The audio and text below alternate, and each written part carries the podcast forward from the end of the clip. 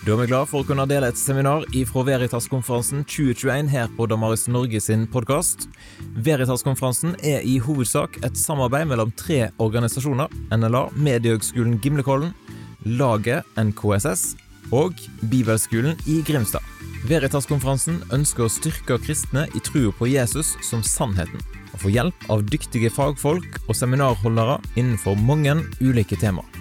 Vil du vite mer om Veritas-konferansen, ja, da går du til veritaskonferansen.no.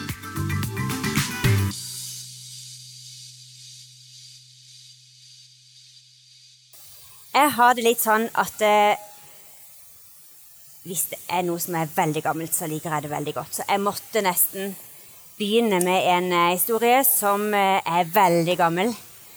Eh, vi skal 500 år tilbake i tid. Munken Martin Luther han holder på å gå på en smell. Han er skikkelig flink pike, hvis man kan si det om en ung mann. Han gjør alltid det han skal, og mer til. Han våker og ber og faster mer enn noen kan forvente han. Og hvorfor gjør han det? Jo, for han vil så gjerne at Gud i himmelen en gang kunne liksom smile ned til han og være fornøyd med han. Men det skjer jo ikke. Gud er så streng, syns han. Eh, det er en mann som kommer til klosteret med jevne mellomrom, som heter Staupitz, og han er en veldig klok mann.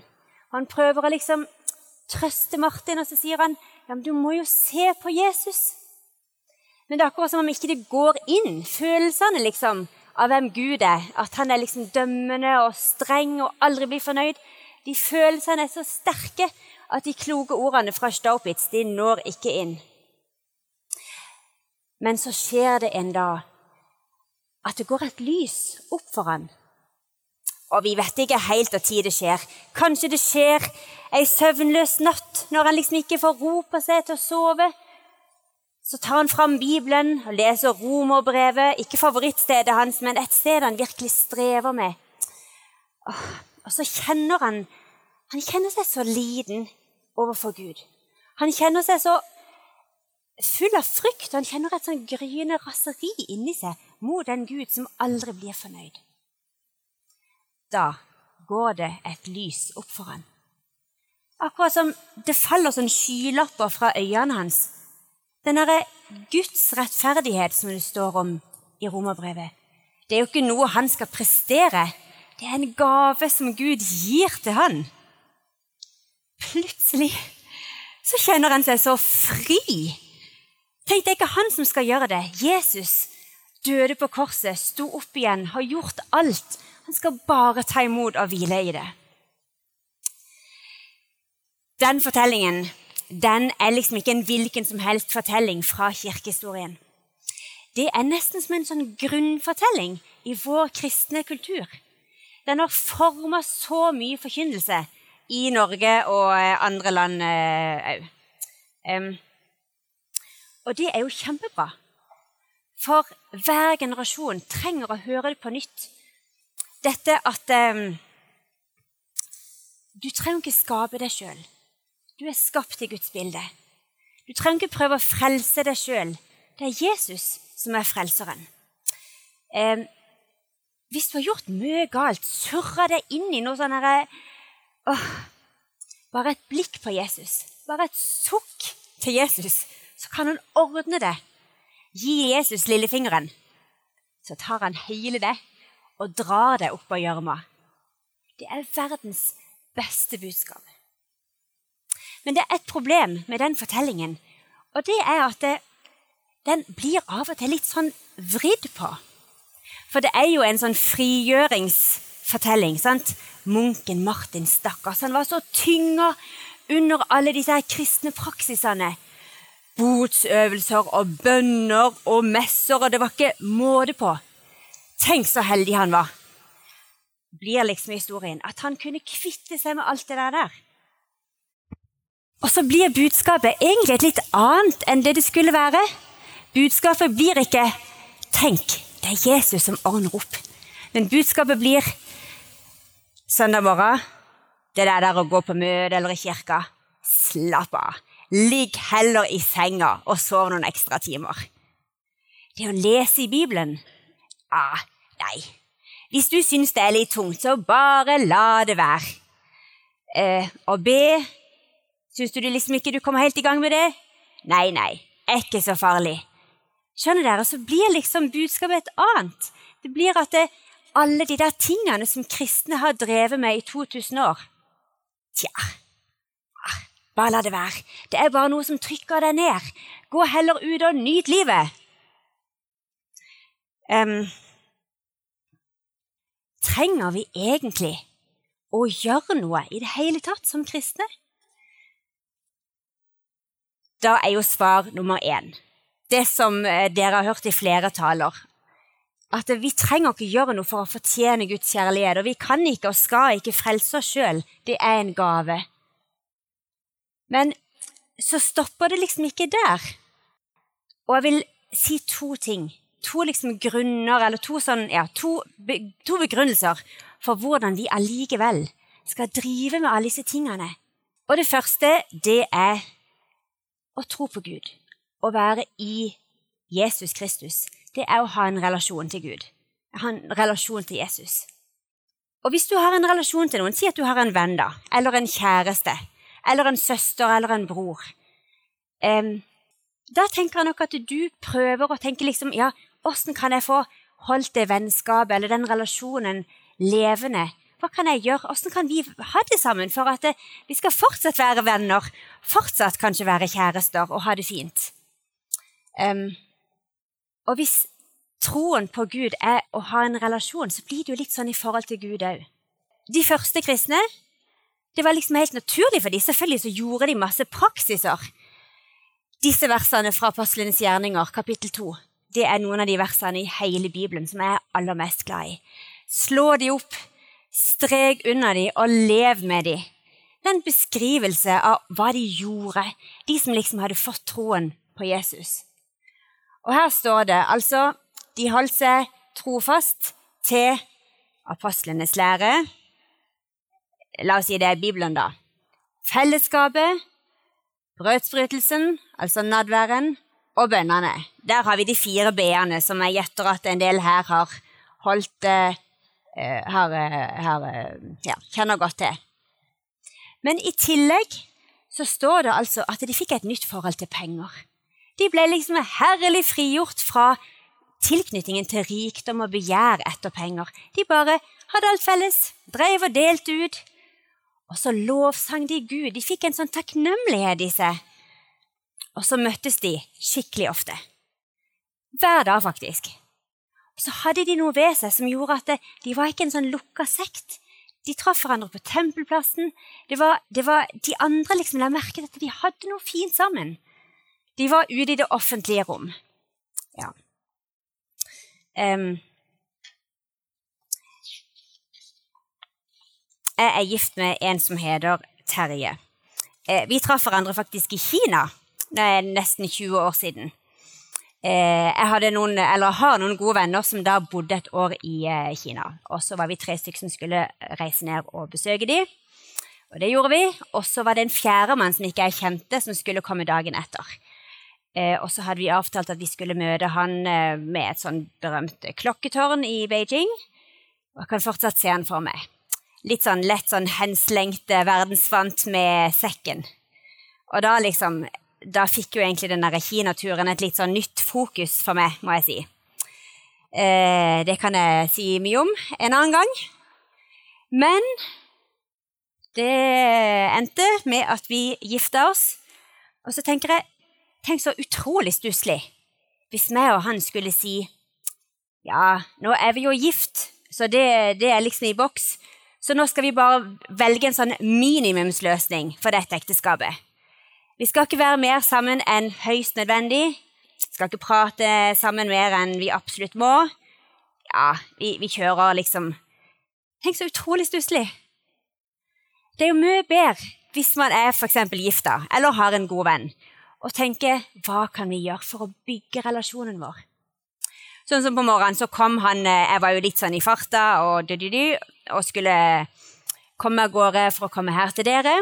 Og så kom han ned og dekka bord og begynte å lage frokost. Og så sa han jeg beklager at jeg liksom ikke helt rakk å lage frokost til før du skulle av sted. Veldig søt. Det er liksom en sånn utrolig fin innstilling. Sånn, jeg vil så gjerne gi deg gode ting. Og sånn, tenker jeg, sånn kan vi ha det i vårt forhold til Gud òg. Ikke bare trenger vi egentlig å be og lese Bibelen og alt dette her, men hva kan jeg gjøre? Jeg vil så gjerne utdype relasjonen min til Gud. Jeg vil så gjerne at vi skal komme enda nærmere hverandre. Jeg vil så gjerne ære Gud. I fjor så var jeg på kirkemøte i Trondheim. Uh, og det gøyeste med å være på sånne møter ja, det, er gøy, det er gøy, det som skjer i salen nå, men det er jo ofte gøy det som skjer sånn i pausene. Har dere merka det? Pauser er bra. Og så kom jeg i snakk med ei dame som ikke jeg kjente fra før. Og hun uh, fortalte en ting som jeg ikke har kunnet glemme. Dere vet uh, Da jeg vokste opp, så var jo Europa delt i to. Sant? Det var liksom Vest-Europa, og så var det Øst-Europa. Eh, og Øst-Europa var kommunistisk. Eh, og det var veldig vanskelig å være kristen. Det var, det var, liksom, det var undertrykkelse og diskriminering. Og så gikk det noen tiår, og så åpna så, så, på en måte så falt Sovjetunionen, ja, Berlinmuren falt et par år før det. Og så åpna liksom eh, Øst-Europa seg igjen. Um, og, og, da viste det seg at det, liksom, utviklingen, den kristne utviklingen i forskjellige land hadde vært forskjellig. I et land som Estland der må vi dessverre si at undertrykkelsen hadde virka ganske godt. For der var, der var kirka blitt veldig svak. Eh, Estland var blitt et veldig sekularisert land, et av de mest sekulariserte i hele Europa. Mens i et land som Polen, for eksempel, så hadde ikke undertrykkelsen virka like bra der hadde liksom de kristne og kirka hadde liksom eh, holdt seg mye mer eh, livskraftig under årene med kommunisme. Og så sa denne dama til meg, og jeg tror hun har helt rett, i Estland så var de lutheranere, mens i Polen så var de katolikker. Så i Polen så var Ja, jeg beklager, jeg er sånn som griner av Normalt så griner jeg bare og sier navnet Jesus eller tenker på ungene mine. Så dette her er helt normalt. Ikke ta det så tungt. I Polen så var de så mye rikere på praksis. Det var ikke bare sånn at eh, eh troen satt i hodet og hjertet på dem, men det satt liksom i hele kroppen, i hele hverdagen. De gjorde så mange sånne kristne ting hele tida. Og dermed var det vanskeligere å liksom få has på kristendommen. Um, jeg tror vi kan lære av det som skjedde i Estland og Polen eh, under kommunismen. Hvis troen vår bare fins i hjertet vårt og i hodet vårt, så blir han mer sårbar. Eh, mens hvis han sitter i hverdagen vår og i kroppen vår, så er han mer motstandsdyktig mot kanskje motstand i et mer sekularisert samfunn, og mot ting som skjer i livet. Det kan være både suksess og sorg og mange ting i eget liv som kan være en sånn trussel for troen vår. Ja, så vi trenger å gjøre noe for at troen skal leve og modnes, og for å verne om den, sånn som de klarte i Polen. Og her kommer altså den bibelteksten. Dere som var her i går og hørte Rune Tobiassen, dere har jo hørt den før. Det er Paulus som skriver til menigheten i Kolosset. Kle dere i kjærlighet, som er båndet som binder sammen og gjør fullkommen. La Kristi fred råde hjertene, for til dette ble dere kalt da dere ble én kropp. Og vær takknemlige. La Kristi ord få rikelig rom hos dere. Undervis og rettled hverandre med all visdom. Syng salmer, viser og åndelige sanger til Gud av et takknemlig hjerte.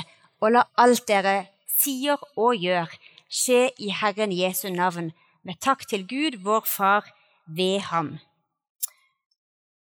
Altså, alle disse her praksisene og kristne verdiene. Kle dere, kle dere i det. Det er noe som heter 'det fins ikke dårlig vær, bare dårlige klær'. Ikke gå ut i livet med dårlige klær. Ta på dere alt dette her. Um, jeg var just sammen med ei eh, jente som jeg kjenner godt, som heter Maria. Og vi, har, vi, var, på, uh, vi var, på, tur sammen i, uh, i sommer. Vi var flere familier. Og det var en helt forferdelig tur, for det pøste ned. Og da mener jeg pøste ned. Og vi hadde jo kommet altså av gårde litt sånn her i hurten og sturten og hadde ikke på så veldig brumklær. Og lille på seks år som vi har, hun hadde ikke jakke engang, så jeg måtte jo låne ut min lange jakke til henne. Det var, det var veldig stusslig. Men Maria, da jeg var sammen med henne på en annen tur nå i uka som gikk, så sa hun åh, det var den beste turen jeg har vært på. Jeg elsker regn. Hun hadde foreldre som hadde tatt på regntøy og støvler før hun gikk ut om morgenen. Så det å kle seg godt med kristne praksiser og verdier, det gjør at vi blir mer rusta for livet. Ja, ok. Så det var én grunn til å praktisere troen. Her kommer én grunn til, og det er rett og slett at Gud, han har satt i gang noe fint i, i verden, noe som heter Guds rike. Og du og meg, vi er invitert til å være med. En gang så sa Jesus til fiskerne ved Genesaretsjøen og til Matteus som satt ved, ved tollboden, han sa, 'Følg meg'. Og det sier han til oss i dag òg. Han sier, 'Følg meg'. Bli med i det som jeg driver og gjør her i verden. Um, det er en sånn DVD-boks som heter The Bible, som jeg liker veldig godt. Og det, Hvis en søker på The Bible på eh, YouTube, så ligger det masse snutter derfra. Hvis jeg søker på eh, The Bible og så Peter, så får dere opp den som jeg skal snakke om nå. For det er altså Jesus som går opp i båten til Peter, og så går de ut. Han har ikke fått noen fisk den gangen, den dagen, og så eh, tar Jesus I filmen så tar han hånda ned i vannet, og så begynner han å liksom eh, koke, og så kan Peter håve inn masse, masse, masse fisk. Der kjenner historien, tror jeg. Og så sier Jesus, 'Følg meg', og så spør Peter Og dette her er litt sånn kunstnerisk frihet i denne eh, filmen, da. What, what are we gonna do? Og så ser Jesus på han, og så sier han, 'Change the world'. Åh, Da kjenner jeg at det kiler ganske godt i maven. altså. Det er det vi er blitt invitert med på. Vi skal forandre verden. Det er jo helt fantastisk. Um, den sommeren jeg var åtte og et halvt år, så reiste jeg på leir med Astrid, ei god venninne, på Havglimt for første gang. Og da var jeg bare solgt. Jeg elska leir, og jeg elska Havglimt. Havglimt er den dyreste eiendommen i Blindleia. Det er bare et sånn paradis. Og det, Hver gang det ringte i klokka, så var det flaggheising eller mat eller møte eller aktiviteter. Og ellers var det jo krabbefiske og bading og ja, dere vet. De leste til leirmerker og hadde det bare helt fantastisk. Havglimt og leirene der har betydd utrolig mye for, for hvem jeg blei her i livet. Og det å sitte der i møtesalen med sand mellom tærne og salt i håret og kanskje litt sånn uh, melkerullsmak i uh, munnen hvis, vært, uh, hvis, kiosken just hadde vært åpen. Og så var det jo alltid med en misjonær på leiren. Nå er det jo litt sånn vanskeligere å få tak i misjonærer. Det finnes litt færre norske misjonærer, men det var god tilgang til misjonærer da jeg var, da jeg var liten. Og så fortalte de sant, fra Kamerun og Madagaskar og Thailand og Kroatia og så fortalte de disse her bibelfortellingene om Jesus som sa 'følg meg', misjonsbefalingen. Og Jeg kjente bare et sånn sug i maven. Og jeg skjønte jo hvor, hvor stor forskjell det kunne bety for enkeltmennesker og for lokalsamfunn og for land, det å bli kjent med Jesus. Og jeg kjente bare at det, det der, det skal jeg være med på. Den derre bevegelsen som Gud har satt i gang, som Jesus har satt i gang, som heter Guds rike. Der vil jeg være med. Og jeg unner dere alle sammen Igjen, ikke bare tenke sånn minimumsløsning og lite kan jeg liksom komme unna med å fortsatt være kristen. Nei, omfavn det. Takk Gud for at han kan bruke noe som du har, og noe som du er, noe som du kan. Og til og med det som ikke du kan, og det som ikke du er, det kan Gud bruke òg. De der sprekkene vi har, de kan Gud bruke. Så kan han liksom putte lyset sitt inni oss Og så kan lyset hans lyse ut fra sprekkene våre. Og så kan vi være med på den fineste bevegelsen som fins i denne verden. Ok, hvis dere syns det høres fornuftig ut, dette her at kristendommen ikke at, at vi skal liksom leve ut denne identiteten vår, at ikke troen bare skal være i hodet eller i hjertet, men det skal være i hendene og føttene og hverdagen vår, i livet vårt, i prioriteringene våre, i målsettingen vår med livet. Åssen får vi det til, da? Og da er det jo utrolig mange fine eksempler. Igjen hvis en ser tilbake i historien, og kanskje på folk en kjenner, på at det, av og til så skjer det bare liksom Det skjer bare helt av seg sjøl, helt naturlig. Det er jo fantastisk. Har dere hørt om Hans Nilsen Hauge? Bra. 250 år i år siden han ble født. Jeg kan nesten ikke holde en tale i år uten å snakke om Hans Nilsen Hauge. Det som skjedde med han, var jo at han møtte Gud da han var ute og arbeidet på ågeren. Og i ukene som kom etterpå det, så var det som han gikk en sånn rus. Han trengte nesten ikke søvn, han bare satt oppe på nettene og skrev og leste Bibelen og var helt inni det der, der som Han var liksom bare inni det der møtet med Gud.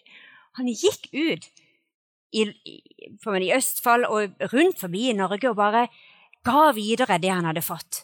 Og det ble så mye av det. Han starta bedrifter, forkynte Guds ord, for, folk omvendte seg. ikke sant? Det er akkurat som det bare liksom Det kom en sånn impuls inn igjen, og så var det så stor kraft i den impulsen at det bare, det bare liksom skjedde. Det var umulig å holde det tilbake. Men så eh, er det ikke alltid at dette skjer sånn helt av seg sjøl. Det er ikke alltid bare fordi en tror på Jesus, så skjer det sånn mirakler nærmest rundt oss. Og da vet jeg dere har fått anbefalt grassat mange bøker. Bjørn har her med stabel på stabel med bøker. Så det kan være at det er liksom eh, fullt, at dere har liksom booka inn mange bøker nå i måneder og år framover.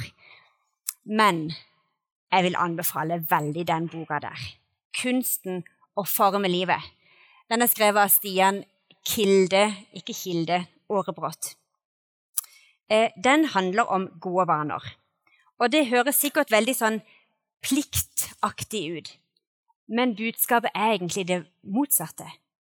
At hvis en bare liksom går i gang med å gjøre noe, så er det akkurat som vanen etter en stund overtar og begynner å gjøre valgene for seg sjøl. Er det noen av dere som pleier å pusse tennene hver morgen? Ja. Pleier dere å stå foran speilet og diskutere for og mot? Skal jeg pusse tennene i dag eller ikke? Nei. Pleier da liksom kjempe en indre kamp med deg sjøl for å liksom overvinne motstanden mot tannbørsten? Nei. Det bare, det bare skjer. Dere har alltid gjort det, så det er bare gjør det helt automatisk. Um, han skriver han har masse eksempler, men han skriver bl.a. om en som heter Jim Martinsen. En ishockeylegende på 1990-tallet. I én sesong så redda han 93,6 av alle skuddene. Jeg har ikke peiling på ishockey, men det høres veldig mye ut. 93,6 Hva liksom, Hvis det kom et skudd, bare, det bare satt i kroppen på han. Han trengte ikke å tenke, det, bare, det var helt umulig nesten å score på han. Han var så erfaren. Han hadde spilt ishockey så sinnssykt lenge at det var liksom litt en del av hvem han var. Det er en, en psykiater som òg han siterer, som har ganske god greie på hodet, da. Han skriver En gang du gjorde noe helt nytt, måtte du nærmest hogge deg vei med machete i hjernejungelen din. Jeg vet hva machete er. Sånn der stor kniv. Alt føltes rart og feil, oppgaven virket umulig. Så gjorde du det samme igjen og igjen. Gradvis ble det ryddet en sti i skogen. Hvis du har repetert en aktivitet lenge nok, dannes det asfalterte veier som du kan bevege deg ubesværet på uten særlig grad av konsentrasjon. Jeg kjenner ganske mange mennesker som har levd sin identitet i Kristus. De har liksom levd i dette her i mange år, sånn at det er blitt en del av dem. Hvis du begynner hver eneste dag i 50 år med å lese Bibelen og be, så gjør det noe med det. Og så blir det bare en del av hvem du er. Så var det jo en sånn katolsk prest, jeg vet ikke om dere har hørt om han. Han, stakkars, litt trist, han hadde begynt å surre veldig. Han var blitt veldig dement. Men putt på han en prestekjole, plasser han foran et alter, så visste han helt hva han skulle gjøre. Når han skulle løfte brød og vin, og når han skulle snu seg og løfte opp og Alle ordene, det satt i han. Han kunne alt, selv om han var kjempedement. Det var liksom bare blitt en del av han. Og så må jeg tenke på en Vet jeg hvem Peter Haldorf er, som skriver mange bøker? Ja. Jeg spiste lunsj med han eh, en gang. Jeg var litt sånn starstruck. Det var prestene her i bispedømmet og Peter Haldorf i Dyreparken. Lunsj. Og lille meg havner da på bord rett overfor Peter Haldorf. Og Der skulle jeg sitte og konversere helt naturlig og spise mat. Så satt jeg der, og så tenkte jeg du ligner på noen. Og jeg spiste og prata mens hjernen jobba på høygir. Hvem er det den mannen ligner på? Og til slutt så skjønte jeg det. Å ja. For jeg visste det var en jeg kjente som han ligna på. Å ja, han ligner på Jesus. For det fins mennesker som bare lever evangeliet, sånn at det blir en del av dem, og det syns jeg er så utrolig fint. Ja. Yes. Nå er det tre minutter igjen. Det tror jeg passer ganske perfekt. Denne teksten, Jeg må si én ting til om man eh, hadde hørt ordet habit. Det er et veldig gammeldags ord. Uh, fru, uh, fru, uh, fru Hansen, hvilken elegant habit de har på deg i dag. En habit er liksom sånn en klesdrakt. Og habit ligner veldig på et engelsk ord. Habit, sant? Som betyr vane. Så det er liksom det vi kan gjøre. Vi kan ta på oss de der vanene som kristne har drevet med i 2000 år. Nå kan vi ta det på oss og gjøre det til våre vaner, så det blir en del av oss sjøl og vår utrustning. Kolosserbrevet og nest, eller de fleste brevene i Bibelen er ikke skrevet til én person. Det er skrevet til et fellesskap. Så da er liksom min siste utfordring til dere bare gå i gang. Lev det kristne livet. Lev identiteten deres i Jesus. Jeg gjør litt sånn forskjellige ting, f.eks. For hver morgen. Ja, nå griner jeg litt igjen, for det syns jeg er litt fint. Hver eneste morgen så tegner jeg med meg korsets tegn. Jeg hadde litt travelt på morgenen og er ikke så veldig glad i å stå tidlig opp. Så det der, der å sitte og be en time, jeg får det ikke til. Men det kan jeg få til. Jeg tilhører Jesus. Jesus, jeg tror på det. Jeg, liksom, vi innvier meg til Jesus ved starten av hver dag. Det er det første jeg gjør når jeg setter beina på, på gulvet. Og så må jeg bare anbefale litt eh, liksom tøyet mitt. Ser dere denne jakka her? Den har jeg arva av Margrethe, ei god venninne. Hun rydda i klesskapet, og så fikk jeg denne jakka.